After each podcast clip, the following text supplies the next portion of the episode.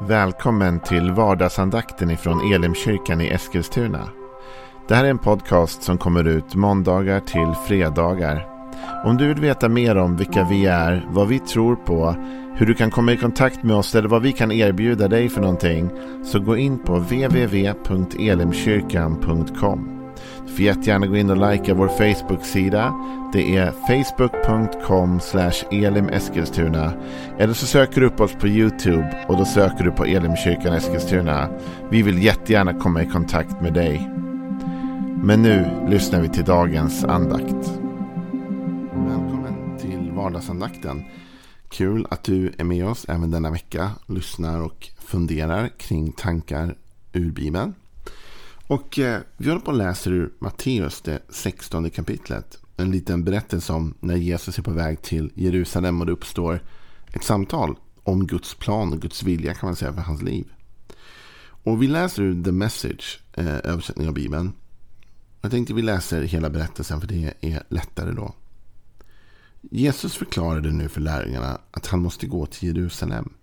Lida i händerna på de religiösa ledarna dödas och sedan efter tre dagar stå upp levande. Petrus drog honom då med sig och började protestera. Det kunde han omöjligt mena. Det fick bara inte ske. Men Jesus var orubblig. Akta dig Petrus, bort Satan. Vad vet du om Guds sätt att göra saker? Han fick lov att tala allvar med lärjungarna. Vill ni följa med mig måste ni gå dit jag leder er. Det är inte ni som styr, det är jag. Fly inte från lidandet, ta emot det. Följ mig så ska jag visa er. Självbevarelsedriften kan inte rädda er. Offra er själva på vägen, på min väg, så ska ni finna er själva, det ni egentligen är. Vad är det för vits med att få allt man vill ha om man går miste om sig själv? Vad skulle du byta bort din själ mot? Satsa inte för mycket på er själva. Innan ni vet ordet av det kommer Människosonen tillbaka i sin fars glans med en hel armé av änglar. Ni ska få allt ni ska ha som en personlig gåva. Jag talar inte bara om livet efter detta. Några av er här ska med egna ögon få se det. Få se Människosonen i hans rikes glans. Det blir ju reaktioner när Jesus berättar om vad som nu kommer ske. När han berättar för lärjungarna att han kommer gå upp till Jerusalem och där kommer han bli tillfångatagen. Han kommer till och med bli dödad. Och han kommer uppstå men de hör inte riktigt det och de förstår nog inte vad det innebär. Det de mest hör tror jag är att han kommer bli dödad, fångat, tillfångatagen. Och Petrus han ska ju då protestera mot detta och förklara att nej men det, det är inte det som är Guds plan. Det är inte det som Gud vill med ditt liv och det kan inte vara så och så vidare. Och då står det så här i en fantastisk vers efter att Jesus har korrigerat Petrus och sagt att okej okay, Petrus, men det där du tänker nu det är inte Guds tankar. Utan det är vad du vill att det ska ske och bli. Så säger han så här då i The Message i alla fall. Att han fick lov att tala allvar med lärjungarna. Så Jesus står inför en allvarlig stund. Han har precis markerat mot Petrus som försöker få Jesus att tycka att det här är en dålig plan eller försöker på något sätt av välvilja. Han vill ju Jesus väl. Va? Så det är inte så att Petrus är jobbig här utan han vill egentligen Jesus väl och han tänker det kan väl inte vara att du ska dö och lida och plågas och allt detta. Så han försöker styra om Jesu tanke. Och Jesus han korrigerar Petrus och sen så säger han då får han tala allvar med lärjungarna. Och då kommer vi till det som jag verkligen vill få dela med mig av till dig idag. När Jesus säger vill ni följa mig måste ni gå dit jag leder. Det är inte ni som styr, det är jag. Vill ni följa med mig måste ni gå dit jag leder er. Det är ju inte så konstigt egentligen som kristna så har vi ett uttryck. Man brukar tala om att vi är lärjungar. Jesu lärjungar eller Kristi lärjunge. Och det innebär ju att vi har satt oss då i en position där vi lär av honom. Han är vår läromästare och vi är hans lärjungar. Och då är det inte konstigt om läromästaren till slut säger Men ni kan ju inte kalla mig läromästare om ni inte gör det jag lär er.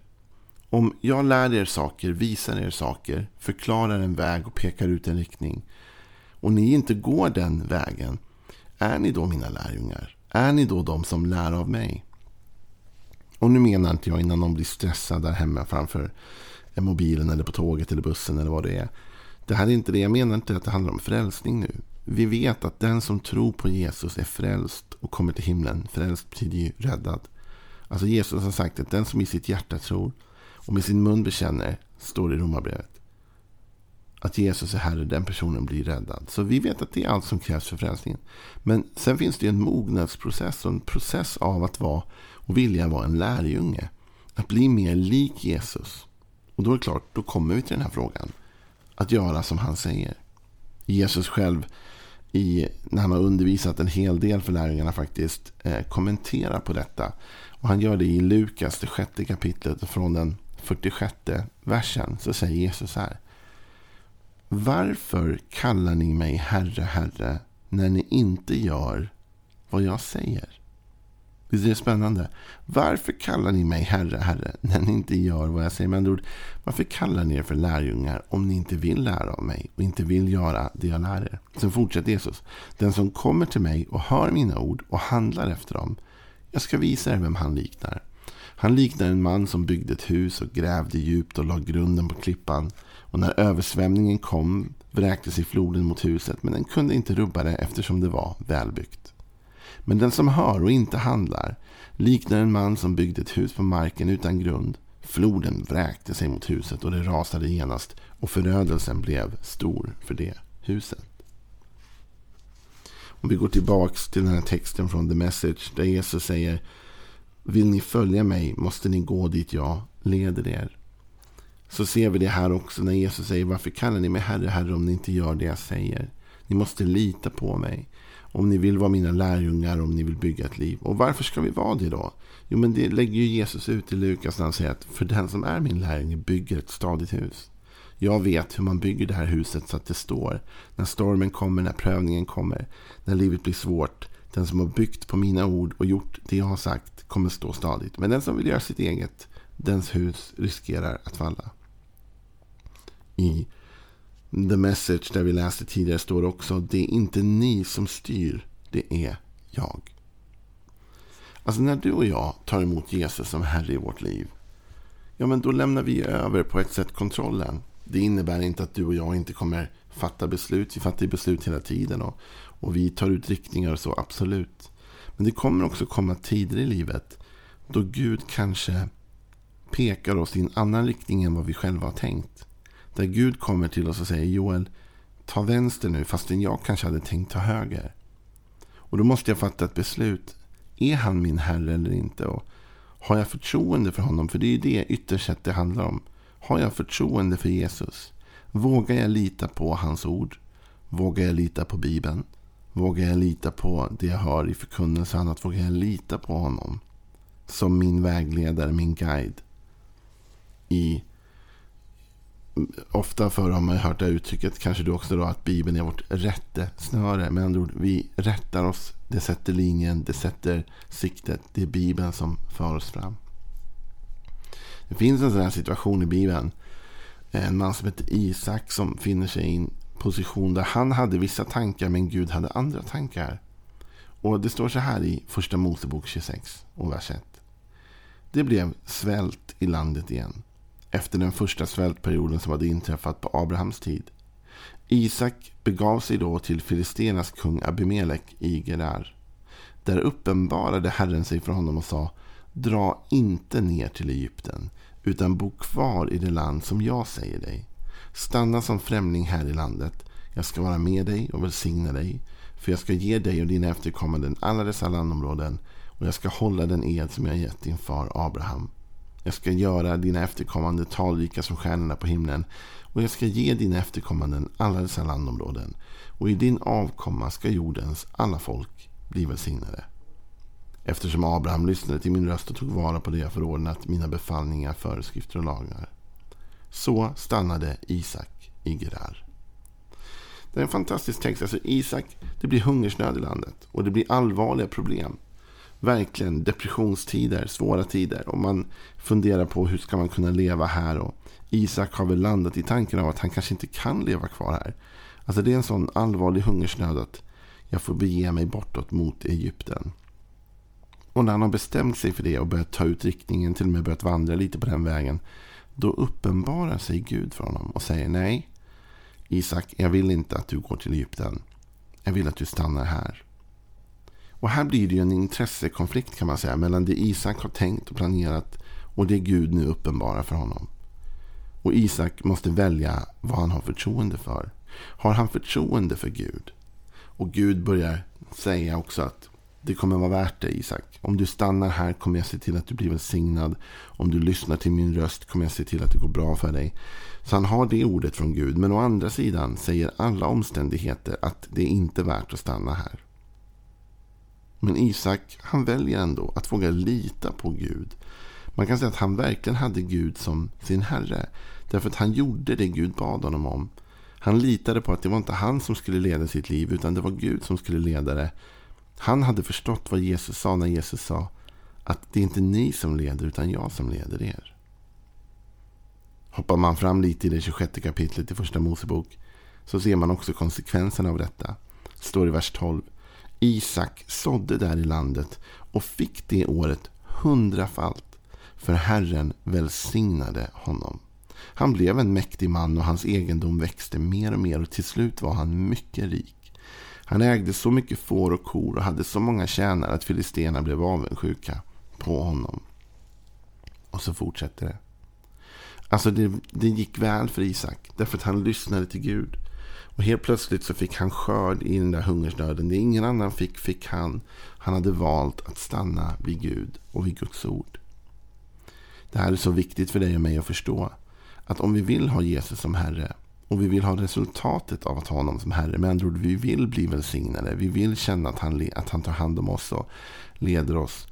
Då måste vi också göra det han ber. Och det var ju det som blir konflikten mellan Petrus och Jesus. Och Jesus säger, okej okay, men hörni, nu måste ni lyssna på mig. Att vill ni att jag ska vara er Herre, då måste ni också göra det jag ber er om. Och lita på att jag leder er. Det är inte ni som ska leda mig, utan jag som ska leda er. Och då innebär det ibland att du och jag kommer komma till situationer där vi har en tanke, en övertygelse.